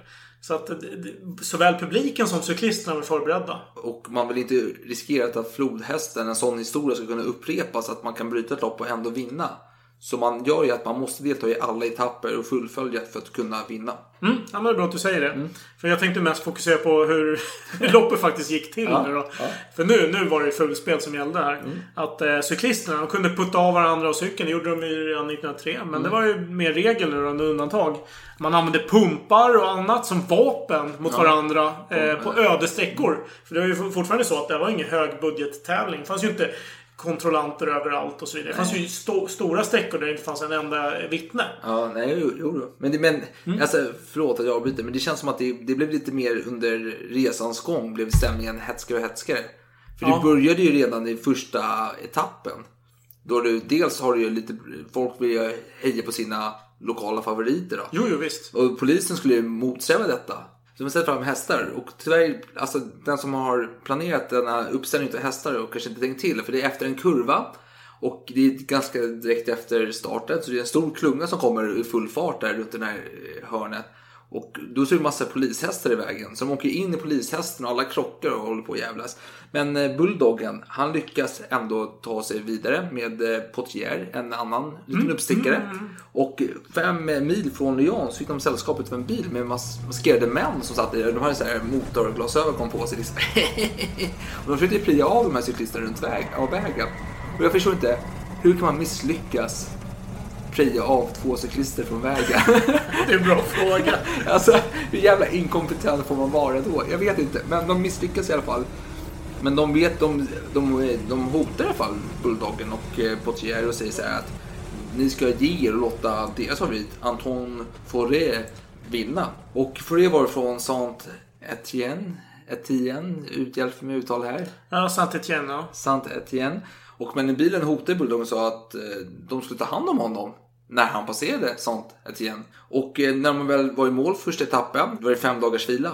Och åkarna började bråka med varandra. Så här, vem fan, de blev så knuffade. Vem fan var det som kastade liksom? Vem fan var det som stod och anlitade de här jävla bråksakerna? Hörru, fan, skärp dig! Och så började Lato, de började komma hit och förhöra folk liksom. Och det, spänningen blev bara byggdes upp. Så irritationen mellan åkarna blev större och större. Och då var det dags för etapp två i loppet. Jo, för det var ju så att eh, folk var ju förberedda på att eh, det här loppet skulle passera deras hemtrakter. Och alla hade ju sin egen hemmafavorit såklart. Och som du nämnde, den här Foré. Så fanns det ju en del hemmafavoriter då. Som hade lagt sig bakhåll för eh, cyklisterna. Ja. Och eh, ungefär halv fyra på natten i saint Etienne så hade ett hundratal gruvarbetare eh, stått där och, och, och häcklat och de ropade så här Ner med Garin! Länge leve Foré! Slå ihjäl dem! Häcklade känns som en Ja, häcklar. Jag hotar dem där. Så de, de hällde ut spik och de fällde träd och de höll på att misshandla med påkar allt möjligt skit. Och, då, och som tur var så hade vi vår hjälte här, Joe Lefebvre. Ja, han kom i en följarbil. För det var ju, det var ju ny, Ja. nypåfunnet på han följarbil som åker efter lite då och då, liksom, inte hela tiden. Nej. Så han kom ju dit. Ja, och han hade en pistol med sig. Ja. Nu sköt han i och för sig inte på de här huliganerna, han sköt i luften i alla fall. Så han lyckades ju skingra dem tillräckligt mycket då för att de skulle kunna... De här eh, Garin och så vidare kunde köra förbi. För den enda som fick åka helt oantastad, det var ju den här hemmafavoriten. Ja, för det. Men det var en italienare som fick en flaska i huvudet och fick bryta loppet för han blev så illa skadad. Casualties of war. eh, och det var ju inte bara det här som hände, utan det var ju mycket annat. Det var att man eh, hällde klipulver och järnfilspån i varandras byxor och undertröjor. Man saboterade varandras cyklar så man typ sågade sönder eh, ramarna och skit så att de gick sönder mitt under en etapp. Man hällde kräkmedel och annat eh, otyg i varandras vattenflaskor. Ja, jo. Men var, i etapp tre blev också lite stökigt. För Mm. det, var ju, alltså, det var inte bara de här äh, före anhängarna som var stökiga. Är det Saint-Gilles du tänker på? Ja, ja, det, ja, Det var runt eh, 50 till 100 pers då, som eh, höll på att misshandla alla möj- Alltså alla som hade någonting med tävlingen att göra. Poliser, tävlingskommission och åkare. Och, och anledningen till att de var så jävla arga och bråkiga. Det var för att deras hemåkare hade diskats på grund av fusk. Han hade lagt sig bakom en bil på något Ja, sätt. Och i lä liksom. Ja, precis. Slippa. Ja. Eh, och eh, under det tumultet, eh, den här Aucouturier, Ja. det vill säga Flodhästen. flodhästen. Han eh, höll ju på att bli sinkad där. Men nej, han var så stor och stark så han lyfte upp sin cykel och bara pressade sig förbi Ja, ja, han, han blev lite skadad sådär. Men å, återigen blev Lefebvre, han kom till platsen efteråt, började skjuta med sin pistol. Och till slut kunde man ju skingra folksamlingen och man kunde fortsätta. Men då hade de ju, de var inte nöjda med att bråka. De hade slängt ut glasskärvor och äh, fotanglar på vägen. Så alla fick punktering och så vidare. Precis. Till slut kom man i mål och 27 utav 88 tävlande tog sig i mål. Bulldoggen vann. Tvåa blev Potier. Lauto ville egentligen inte ge segern till någon för det var så jävla stökigt. Men stämningen var ganska hätsk i Paris så man var tvungen att utse någon vinnare. Och tävlingen anmäldes till Cykelförbundet. Som i november kom med besked att Bulldoggen och Potier samt några andra diskades. Och fråntog Hela sina- toppen egentligen. Ja, för fusk. Och vid flera tillfällen hade de åkt bil. Och din favorit flodhästen, vad hade han gjort? Han åkte inte bil, men Eh, Nästan. nästan. Han, hade, han var väldigt uppfinningsrik. Han hade en vinkork i mellan tänderna. Mm. Och den vinkorken hade han fäst med eh, ståltråd i en kofångare på en bil. Så han snålskjutsade där.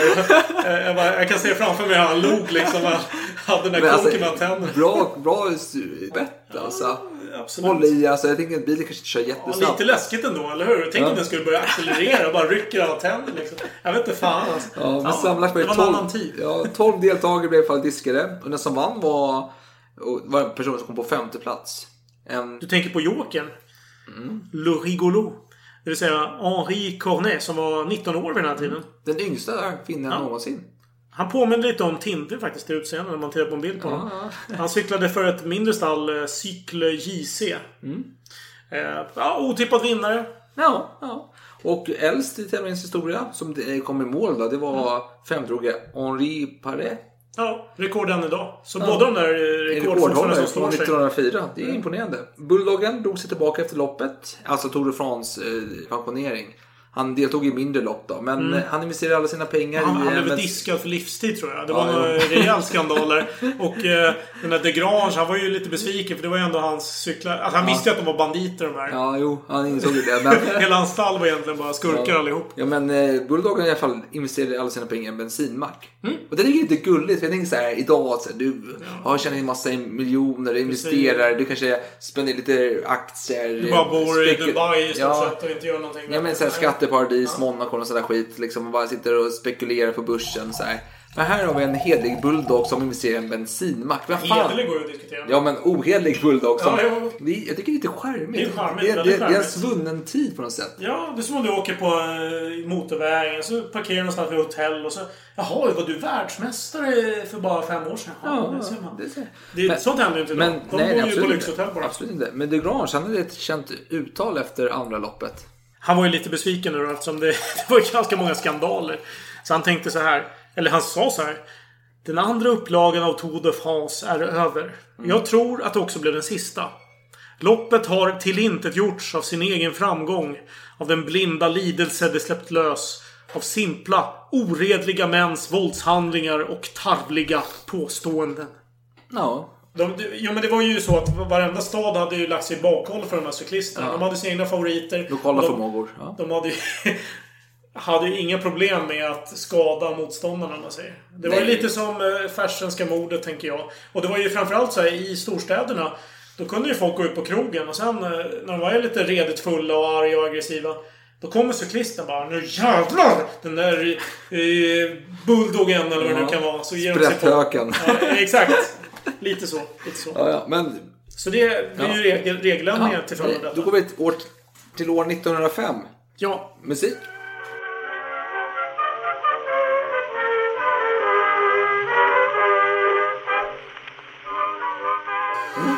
Ja, efter förra årets, eh, ska man säga, fiasko ska man inte säga kanske. Nej, men, eh, underhållande. Underhållande fiasko.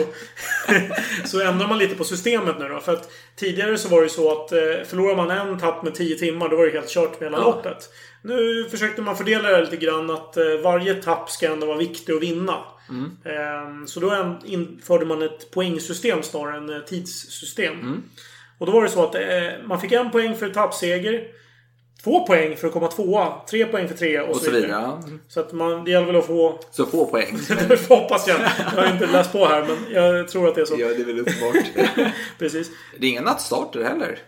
Nej, det är slut på det nu. Det Det var bort. så många hemska huliganer och fruktansvärt. Så man flyttade de här etappmållinjerna Ja. till utanför städerna. Ja, och man förlängde också med 50 mil. Själva eh, touren. Men fler etapper. Ja. Vad ska man säga? Det finns inte jättemycket att säga väl? Eller? Ja, men, jo, men alltså jag tänker så här, det blev ändå lite småstök på vägarna. Det var fortfarande spik på vägarna första etappen. Och ryktet sa att det var DeGrange. De Grange som Som var var bakom. skyldig för att Ja. få uppmärksamhet till tävlingen. Ja, ja, han hade ändå fått ganska mycket uppmärksamhet under Ja, föregående år. all reklam är bra Ja, reklam. precis. Och någon visade sig, polisen gjorde undersökningar. Någon hade köpt 125 kilo spik i en järnhandel innan. Lite misstänksamt, men man kunde aldrig identifiera köparen. Tänker jag, vem fan har råd köpa 125 kilo spik? Jag vet inte hur dyrt det var. Nej, inte jag heller, men det känns ändå som att... Det är ju mycket, många kilo att bära på. Jo, men jag Det tänker... är ju ett stort jävla projekt Ja, jag Det är bara en person som gör Men det. in, alltså jag tänker eh, att eh, själva anmälningspengen första året var 20 franc och det motsvarar 49 arbetstimmar i, på den tiden. Ja, det är suspekt. Ja, det låter som en större det, grej. Det, det låter som en större grej. Ja, vem vet. Och eh, det var roliga var att de som blev drabbade. Antingen fick man ju byta däck själv och fortsätta eller Mm. fick man ta tåget till Lyon då. Ja, DeGrange, han var ju känd för att komma på regler i, under... Alltså han var ju ändå pragmatisk på så sätt.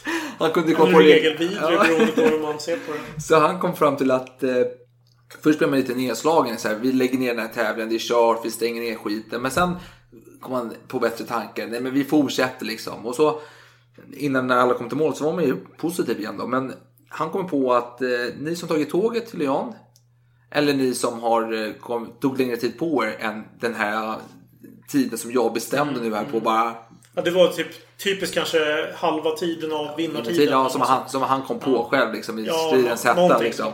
Mm. Ni får 75 poäng.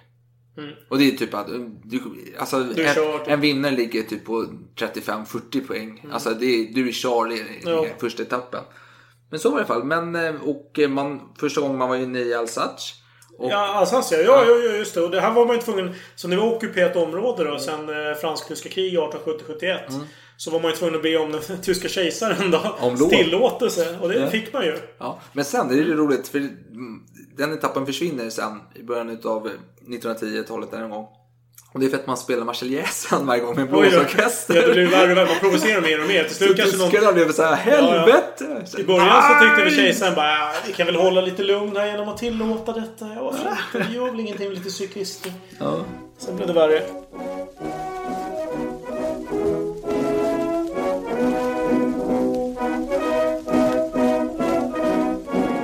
Ja, Och, och det, det vi kan nämna här, det, alltså man åker ändå i och med den nya sträckan så är det ett berg, Ballon de...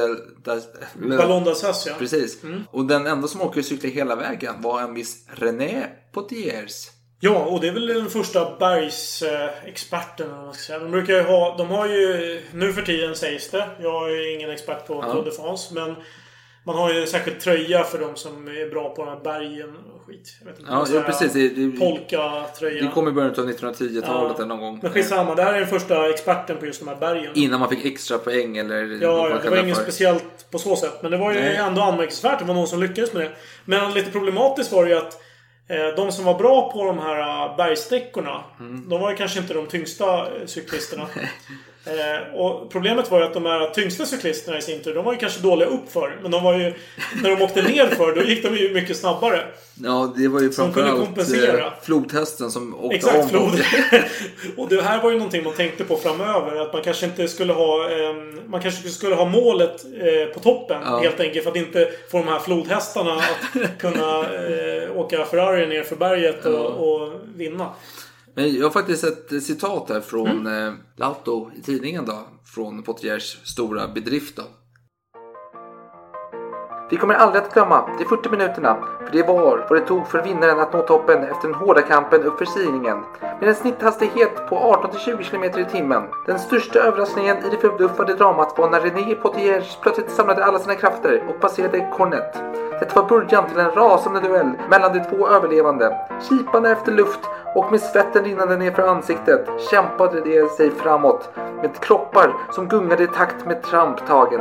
Cornette tappade ett par längder, så en till och en till och så var det avgjort. Segern måste gå till Potiers som nu kastade sig iväg i en solokörning. Beundransvärd i sin desperata kraftansträngning och med kroppen böjd över styret. Ja, Ja, men det var ju inte Potier som segrade det här året.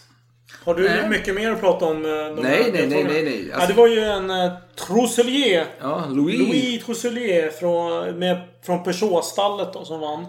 35 poäng fick han. Li- Lite kul eh, detaljer att han, eh, han var anställd i det militära på något sätt. Ja. Och hade ansökt om permission för att ställa upp ett cykellopp. Och då hade man beviljat det. Men det kanske man inte visste att det här skulle pågå i tre veckor eller liknande. Han sa inte vilket cykellopp. Nej, exakt. Men det är Eh, konstigt att man får permission utan att ange slutdatum kan man Ja, tycka. det kan jag också tycka. Men det var, fan, det var ju tidigt 1900-tal. Ja, jo, och en annan anekdot är att han fick prispengar. Och så gick han till massören efteråt och eh, träffade lite sköna lirare och började spela lite poker. Och Var förlorade... det inte samma kväll? Jo, samma kväll. Ja. Och förlorade alla pengar. Så han förlorade hela vinstsumman. Ja. Det är lite tråkigt. Mm. För honom. ja. Och sen har vi 1907. Nej, men Ja, förlåt. 1906. Ja, förlåt, förlåt. Jag går för snabbt fram. Eh, ja, vad gör man för justeringar? Jo, man inför två nya klasser. Just för att eh, Degrange är förbannad för de här eh, dåliga cykeltillverkarna som ger cyklisterna massa skräp. Och, eh, han, vill, han vill att ja, men den mest stabila ska vinna. Nej men, nej men han vill ha övermänniskan, han vill ha den mänskliga bedriften. Inte någon verkstadstillverkare som kommer med reservcyklar och sköna muttrar till eh, sina... Nej, men det är bra om cy- cyklarna håller lika bra mått som cyklisterna. Att de också håller för påfrestningen. Jo men hans mål är att det ska vara en övermänsklig tävling. Det ska vara svett, det ska vara tårar, det ska vara blod, det ska vara lidelse. Inte någon jävla... Så här, någon, alltså han skulle ju spy över dagens Tour de France. Han skulle Ja. tycka att det var riktigt dynga rakt igenom. Yes, han, vi- vill ha li, han vill ha lidande. Mm, vi kan gå in på detaljer här så får Ja. lyssnarna själva avgöra. Eh, han inför två olika klasser. En som heter poinçonné. Som innebär stämplad. Det vill säga man måste åka med samma cykel egentligen hela loppet. Man får reparera sin cykel såklart, men man får inte byta ut några delar. Nej, det finns en stämpel på cykeln som kontrollanter kontrollerar. Ja, slags samma eh, stämpel. DNA-märkning av Ja. cykeln i stort sett. Och den andra klassen heter plombé som är lite mer pinsam då, enligt honom. Ja. Eh, och det var ett sätt att... eh, För det kom ju påtryckningar från de här annonsörerna och så vidare. Att de gick inte med på de här kraven att det ska vara samma cykel. Mm. Nej. Mm. Så bara, ah, okej men då skapar vi den här klena klassen med plombé. Då- då- Ni får byta ut vad ni vill. Skitsamma. Det, det är pinsamt. Men Ja. vi godkänner det. Så han beklagar sig över de här dåliga cyklarna i alla fall. Och eh, det här årets lopp gick längre in i Alsace än tidigare. Men man fick fråga som kejsaren om lov. Han gick Ja. fortfarande med på det. Så det var ju kul Det var tur för honom. marschäsen blev för Nej. ett påtagligt intryck. Ja. Ja, vi har ju den här bergspecialisten från eh, tidigare års tävling. René Potier. Mm. Han vann i år. Och eh, ja, om jag ska beskriva honom lite grann så han ser ut som en eh, gentleman med sin franska mustasch. Vilket många andra gör från den här tiden. Det är inget speciellt med det. Jag älskar den här tiden. Alla så här Tintin-skurkar, mustascher. det är Underbart. Precis. Han, han var dock lite speciell psyke kan man säga. Han var en enstöring. Om vi ska ta ett citat från Henri de Grange om honom. Så säger han så här. Denna Potier är en enastående gestalt inom cykelsporten. Han är fylld av obändig energi och viker sig aldrig. Han offrar sig helt. Han är kanske en av dem med sitt bländande sätt att köra. Kan dö mitt under sin bragd, men också en av dem som sätter ärorika spår i vår historia. Och han cyklar ändå för ett konkurrerande stall, alltså Peugeot. Så det verkar som att det där med La Française och så vidare inte var så viktigt längre. Nej, nej, men nu, nej, men det är viktigt att säga det. För Ja. ändå så, La Française var ju viktigt i början. De Mm. hade kontakter till eh, själva Lauto-tidningen. Men nu när tävlingen... Konkurrenten är död, är det men, därför? Ja. Nej, men jag Nej. tänker, nej, jag tänker att tävlingen så, har blivit, fått sitt eget liv. Den har blivit så Ja. pass stor. Ah. Nu är man inte beroende utav... eh, Det var ju ganska få, Mm. På den tiden så var det ganska få... Striden förflyttades till Ja, någonting men, då, annat. men då var det få cykeltillverkare som Ja. var delaktiga. Då var, men nu så finns det ändå... Nu är det prestige i tävlingen. Nu vill alla vara med i den här tävlingen. Och då behöver Mm. man inte vara beroende utav Nej. La, La Française då, som Okej. cykeltillverkare. Ja, det, är det min, låter- det är min spaning. Låter ju faktiskt rimligt. Eh, nej men Potier i alla fall. Det gick väldigt bra för honom i år. Han vann hela tävlingen. Men eh, tydligen så hade han lite kärlekshistoria vid sidan om cykelsporten. Då. Så han begick eh, självmord. Eh, han hänger sig på den krok han brukar hänga sin cykel på. Eh, Väldigt traumatiskt, väldigt tråkigt för tävlingen. Eh, För att hedra honom då så satte man upp en minnessten vid toppen där vid Ballon d'Alsace. Där som han eh, gjorde sin eh, fantastiska spurt eh, till året Ja, innan. Eh, och en, en anekdot är att hans bror som också var tävlingscyklist några år senare cyklade upp för Ballon d'Or och fick syn Ballon d'Or. Nej, nu, jag tänker på en helt annan sak. Nej, jag tar om det där. Jag tar om det. Annan sport du. Ja, ja en roligare sport. Ja, jag tar om det. Så cyklade han upp och fick syn på den här minnesstenen. Och då bröt han tillfället ihop då, av eh, ja, känslor. Precis. Men han fullföljde ändå till slut. Ja, det, var väl det jag hade att säga om och honom. 1907 har jag jättelite att säga om. Jag har bara att det är premiären för Le Petit Breton då. Mm. Eh, En lirare som familj bott i Frankrike, flytt till Argentina. Eller inte flytt kanske, men de har åkt till Argentina och bo- bott där ett tag. Och så åkte han, alltså hans familj var inte så förtjust att han skulle cykla.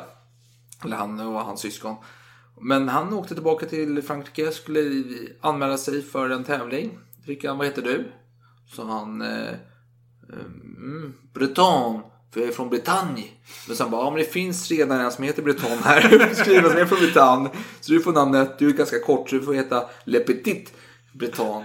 Det är skönt att de har artistnamn. De, de brydde sig liksom inte. Och, Eh, och det hoppar ju snabbt fram till 1908. Nej, men han körde ju då Poinçonnet-klassen Ja, kanske. precis, ja. det, det vill säga den bra klassen. Ja. Som eh, De Grange skulle ha sagt. Precis, ja precis. Man hade sin stämpel. Då. Just det. Eh, Men 1908, då var han stor favorit och han vann. För, han tävlade för Peugeot då.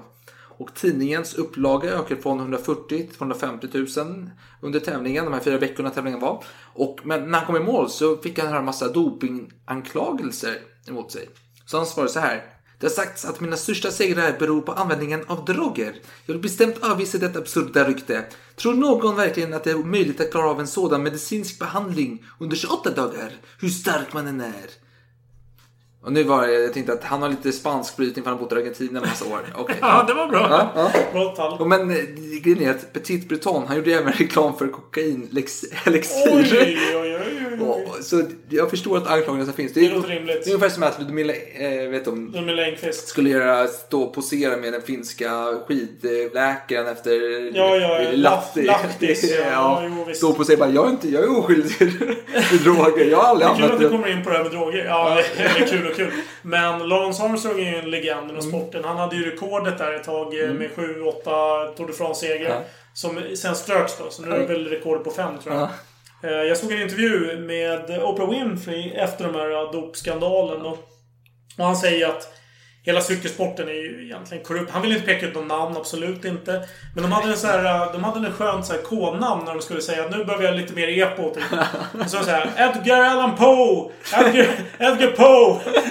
Det var tydligen epo. Det, var, det var någonting jag nappade på där. Skön historisk Eh, referens. Det var ju faktiskt att, men som du säger, att fusk och droger inom cykelsport är ganska, alltså det är en, eh, alltså de lever ju på varandra lite, alltså det, det hör ju ihop. Ja. Det, det de är symbios här. De kanske inte uttalar bara nu ska du ta droger, men gör det du måste göra. Men om du inte tillräckligt bra så kommer jag såga dig från teamet. Det var ju någon i några år tidigare här som hade dött efter ett lopp. För han, har varit, han kom in på, jag tror det var England någonstans. Han hade tyckt att han var helt uppspelt, så här, typ stora ögon, så bara, full energi. Så här. Superpiller. Ja, men det var helt så här va. Och så dog han utav utmattning sen då. Och då hade han ju kört någon sån här kokaingrej liksom. Mm. Ja. Men eh, 1909 hoppar jag snabbt till. Har du något mer på? Nej, jag har ingenting. Vi hoppar fram här. Eh, och eh, 1909 gjorde man skillnad på lagcyklister och Ja. eh, isolercyklister, alltså självständiga Okej, cyklister. Individuella, typ. Och, eh, Oberoende måste Ja, det vara. precis. Mm. De Grange, nu vill han ändå särskilja dem. Så blir det ideologiskt plan blir det viktigt att vara en isolercyklist. Ja, ja, än- oberoende cyklist. Ja, en lagcyklist. Ja. kanske man ska säga. Men hans, hans metoder för att trigga, eller för att förhöja detta var lite tveksamma. För han gjorde att Isolea-cyklisterna, de fick ju fixa boende och logi själva återigen. Eh, och eh, deras packning fick ta tåg upp, skulle de hämta ut det sen på kvällen. Kanske tågstationen var stängd. Mm. Så de fick hoppas på att någon var snäll och kunde upp, alltså ge dem en säng över natten. Logistisk mardröm. Ja, hemskt. Men en lite rolig anekdot det är att eh, en lagcyklist, han satt och cyklade och han var lite hungrig under loppet som han blir. Så han tog fram en baguette och åt halva. Och sen var han är mätt med mage i kurre inte längre. Så han Mm. slängde baguetten på vägen och cyklade vidare. Då kommer en isolera-cyklist efteråt och bara Åh, baguette! Åh, fantastico! Så Plockade upp den, Så tog han upp den och började äta på den. Och då fick lagcyklisten straff, en halvtimme tid på slag för att han hade hjälpt en annan cyklist. Nej. Jo, det är sant. Okej. Ja. För, Vi har ju inte nämnt så jättemycket det här med alkohol under loppen. Men det dracks ju vin och jag vet att eh, när man gick målgång där så, så festade alla med champagne och sen åkte de Åkte de, cyklade de till Parc des Princes och körde lite sån här ärevarv och skit. Men det var en del alkohol i loppen och drack väl en del vin och öl. Ja, och, ja, säkert ja. den här eh, flodhästen. Ja, men han drack ju mycket vin. Ja, Alltså- Kanske därför han hade sina magsmärtor Ja. i flera lopp faktiskt. Det var ju inte bara ett år. Det var Nej, nej, nej. gånger. Han var känd för sina magmärken. Jag tänker så här. Här har du en flodhäst, muskulös, ganska bred buk. Han äter säkert mycket rött kött och vet, mycket Ja. bacon till frukost och till lunch och till middag. Så jag tänker att hans mag... sina vikter liksom på Ja. efter det. Jag tänker att hans tarm är säkert ganska så här risig skick. Ja. Alltså är, så jag tänker att, att hans... Men vet du det? Eh, vad fan heter det när man har med tarmen IBS? Ja, ja. Irritable bowel syndrome. Ja. Du ser, IBS Jag vet inte vad det är på svenska. Ja, men jag tror det är. IBS. IBS. ja, IBS. Mm. Ja, jag hoppas det. Fan, jag, Ja, men jag tror det stämmer. Nej, Ja. gud, jag är för berusad. Ja, men i alla fall vinnaren var en François Faber. Faber. Faber. Han kom från Luxemburg. Han var loppet. Han var ganska skojfrisk. Alltså han var ett under. Han var ju så här ganska biffig bil. Och han bara cyklade och cyklade och cyklade och cyklade. Och alla bara så wow vilken kille liksom. Han, han bara kör. Påminner ändå om den här Potier. Ja, det blir lite så här. Han bara kör liksom. Han, För han, han zonade ju ut liksom. Ja. Han bara körde Ja. stenhårt. Ja, ja, korrekt. Och eh, när han vann så var han lite skojfrisk och så här bara haha, ja men det här Tour de France, ah, det är värsta söndagsutflykten. Skojfriskt. Och De Grange, han... Va? Blev han provocerad alltså? Vad fan sa? En söndagsutflykt? Alltså, franska herden var ju kränkt här. Alltså, det, det här är ändå en storslagen man som eh, har byggt sitt, ägnat sitt liv åt att bygga upp en omänsklig tävling och det är en söndagsutflykt. Alltså, Mm. De Grange ser inte humor i Djupt detta. upprörande, ja ja. Så han blir helt bestört och han är så här. Nej, nej, vi måste ändra loppet. Så 1910 års lopp behöver bli tuffare och De Grange rådfrågar sin anställde Alphonse Sené som föreslog att man borde kanske lägga till en etapp genom Pyrenéerna. Jaha. Det som man hade- Igen alltså. Ja, det, ja. återgår, det som cyklisterna förfärades över. Att det ska vara omänskligt. Precis, och eh, Grange bara, ja jo, ja det är tufft. Han minns det ändå, den här starten, alltså hur man resonerade då. Han bara, ja, men det här loppet är lite tråkigt faktiskt. Och det är en söndagsutflykt. Ja, men du Alfons, du får åka ner till Pyre- Pyrenéerna och eh, reko- rekognosera området. Så han åkte ner dit och han kom dit var det lite snöigt och jävligt fortfarande på klipporna. Och eh, framförallt det högsta berget då. Och han behövde en chaufför som skulle köra honom över bergen. Så han kunde se hur vägarna såg ut där och man kunde cykla igenom det. Och eh, det var lite riskabelt för tid, veckan innan hade en bil störtat ner från eh, bergsvägen och ja, de hade dött då. Men en belgare vid namn DuPont ställde upp som DuPont? ja, fortsätt. Ja, det är var roligt. svårt att inte reagera. Ja, och han ställde upp som chaufför då. Och eh, de körde och det kom en bit men så fastnade bilen i, snö, i snön och det började bli oväder och mörker började närma sig. Så Alfons då, han bara, nej men du, DuPont, eh, jag går ut, jag går över berget och vi möts på andra sidan. Vi syns där, hej då. Så gick han bara traskade iväg i mörkret. Och eh, DuPont han åkte och kontaktade polisen på andra sidan så de måste leta efter... Kontaktade sin bror DuPont. Ja, precis. Nej, men så, han kontaktade polisen och började leta efter denna Alfons. Och Alfons han gick upp. Han gick lite, det blev mörkt, han gick vilse. Men han kom upp till toppen och gick ner på den eh, södra sidan utav berget. Till slut så fastnade han någonstans där och bara frös och var jävlig. Så polisen hittade honom. Dagen efteråt han var, jag höll på att förfrysa till döds då, men riktigt dåligt skit. Man tog honom till polisstationen och han tänkte sig men det här var inte så farligt. Så han skickade ett telegram då till Auto. Där han skrev Gått över Tourmalet till fots. Mycket bra väg. Fullt framkomligt. Och det trodde de på liksom. Ja men fan det här är skitbra nyheter men vi kör. Så nu så börjar man köra år 1910 års lopp då över Pyrenéerna. Och eh, Le Petit. Inte eh, Petite, Nej, nej. Le Petit Breton. Ja. Ja. han, blev, han, han ställde upp lite som hobbycyklist här, inte som utmanare. Han bara, han, han vägrade åka. Han bara, mördare försöker mörda oss. Och, så han var helt upprörd. Han vägrade, det var flera åkare som vägrade ställa upp i just den etappen just för att det var så omänskligt. Det var ju någonstans där de kom där på natten och åkte upp och då utsända journalister var på plats och var väntade med spänning och så kom cyklisterna till slut, den efter den ner där. Det var de som ropade så här, Era mördare! Era mördare! Jag ska vägra, jag ska jag slö, avsluta mitt lopp efter den här etappen liksom så här. Var helt... Härliga tv-bilder, tänker jag. Om det hade Ja, funnits ja, men, videokamera. ja, men den som skrek det, han vann ju själva tävlingen då. Ja, okej. Ja. Hedersamt. Eh, Eller? och, ja, jo, det var första dödsfallet i tävlingen också. Det var 19 Ja, det var år- han som vann då. då. Nej, nej, nej. en annan Adolf. Eh, eller Alfons hette den förra. Okej. Den här hette Adolf. Eh, han var 19 år och hette Adolf Hellier. Och han drunknade eller blev stungen av en manet under sjätte etappen på en vilodag. Då. Lite oklart hur han dog egentligen. Det är intressant alltså. Ja. Han spenderar sin vilodag med att dyka bland såna jävla st- stingrocker och skit. Ja. Eller, vad sa du att det var? Ma- Man, magnet? maneter. ja, Ja. det är spännande. Ja. Och eh, alltså, jag tänkte inte säga så mycket men jag tänkte vi skulle spola fram bandet till 1914. Minst. Minst. Eh, för timmar efter att loppet startade så var det ett annat skott som löd nere i eh, Sarajevo. Det var ju Gavrilo Princip som hade samlat sitt mod till fånga och sköt Ferdinand då. Frans Ferdinand. Rö- Svarta handen. Ja, och det var otäckt och det började bli nalkas ett världskrig. Helt enkelt. Mer om det. Nej, vi har aldrig haft ett avsnitt om andra världskriget. vi Det är för brett. Det går inte. Nej, men- men vi har inte- pratat vi har om- inte musklerna.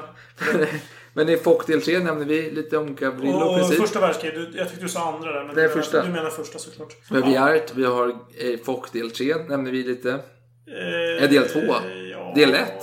na, På- ah, jo. kanske del ett och men jag tror Ga- Gavrilo är del 1 då, Fock, avsnittet Fock. Ah, ah. Avsnitt 4 Ja. är del 1 och sen är 6, 7, del 2 del 3. Mm, eh, mm, där nämner vi, ja. Mm. där pratar vi lite om första världskriget. Eh, jo, för avsnitt 5 är Fersenska mordet. Men det är skitsamma. Och eh, två dagar efter målgången så blev det ju faktiskt krig. Eh, François Faber, Luxemburg som vann tävlingen. Mm, just det. Le Petit Breton och Octave Lap- Lapitz, som, eh, han som vann eh, tävlingen när det var Pyrenéerna första omgången. Alla de dog i kriget. Oj. Och eh, De Grange, han var med i kriget. Det var ju lite otippat. Han var ju gammal vid den här Mm. Ja, tiden. ja. Han ställde upp, han fick Hederslegionens kors, någonting. Jag är inte säker på detaljerna. Nej. men det gick ja, bra. Han var ju en patriot. Ja, vi har kommit i mål i denna sexetappiga tävling. Ja, 1903 ja. Men ja. Ja. ja. Det finns ju mycket att säga såklart. Men vi... För det första så är vi inte särskilt intresserade av cykelsport. Det finns inte så jättemycket Nej, men från jag- vår, intresse från vår sida. Utan det är de här, men de här gyllene åren, de är fantastiska Jo, men det, det finns ju jättemycket roliga fler år. Så jag hoppas att vi i framtiden ska kunna komma tillbaka till Tour de France och kanske en annan. Jag har svårt att se att det överträffar 1904 års tävling. Men Ja men, det, ja, men det finns ju mycket annat. Och det jag kan nämna är att på den här tiden, alltså tekniken går ju framåt. Så cyklisterna, helt plötsligt så får de ju att man kan vila fötterna medan det är nedförsbacke. Ja, ja. Ja, för, för tidigare så var det inte så att eh, själva pedalerna var frikopplade från hjulen. Utan var, så länge hjulen rullade så rullade pedalerna också. Så varje cyklist var ju tvungen att, även om de, de kör nedförsbacke så körde benen vidare. De trampade runt. Och när man slutar med detta, då blir Grange jättebesviken. Det förstår jag också. Så om man ser tillbaka på den här tiden, i början av de första åren. När man, Han, han såg ju det nästan som en elcykel, eller hur? Ja, ja, Tänk om man skulle köra elcykel nu idag. Folk skulle fan- bli jätteupprörda. Men det skulle bli nästa grej. Ja, det, blir nästan, det är din spaning i framtiden. Att Ja, elcykel men- är Tour de France framtid. Alltså. Ja, jag tror nästan det. Ja, slipper man doping i alla fall. Ja. Men, jag är fullt beundrad av dessa cyklister som sitter här och eh, kör med sin eh, 15 kilo tunga cykel, 20-30 kilo packning. De trampar hela sträckan. Nu fuskar och för sig många, Jo, men de som inte fuskade, all heder till er. Och eh, vi ska bara nämna det här att vi kommer ta ett litet sportlov här. Så, En lång sport. Nej, ett kort sportlov. Och, eh, så, näst, så vi kommer inte om två veckor. Men sen är vi tillbaka och då ska vi behandla ett ämne som eh, ett önskeavsnitt från en lyssnare på Facebook. Och eh, vi har haft lite problem att komma överens om hur vi ska lägga upp detta avsnitt. Men Vi, har varit överens om att vi vill ta upp ämnet, men inte Hur? exakt hur vi ska tackla det. nej, men nu har vi kommit överens. Och en ledtråd där, Sailor Moon, min vän, ödet är dolt. Förstår du vad jag menar? Halvt. Halvt. Ja, men tack för att ni har lyssnat. Ja, tack så mycket. Eh, Vi, fin- vi finns på Facebook, vi har Instagram och allt. Ja, Ja, vi, så- vi lägger ner någonting om det börjar tystna där. Nej. Nej, okej. det. nu, nu, tar vi, nu, nu tar vi helg. Nu tar vi helg. Ja.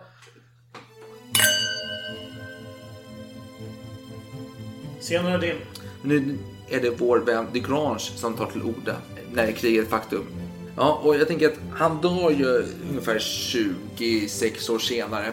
Så han är ganska gammal här tänker jag. Så jag tar min fashion äldre röst här. Det enda jag har. Kör på den. Ja. Mina franska vänner, hör på mig. Under 14 år som Lauto dagligen har kommit ut har vi aldrig gett er några dåliga råd. Så lyssna nu på mig. Det är otänkbart att en fransman skulle underkasta sig en tysk. En bitter strid väntar er. Använd hela er franska duglighet. Allez! Visa ingen nåd. Preussarna är en flock horungar. Jag använder... Har han sagt det verkligen? Ja, kör. Förlåt. Jag använder inte orden för att skymfa dem. Utanför.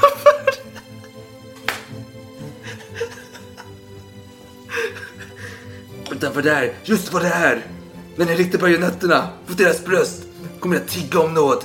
Men visa ingen barmhärtighet. Var skoningslösa och stöt bajonetten genom deras kropp.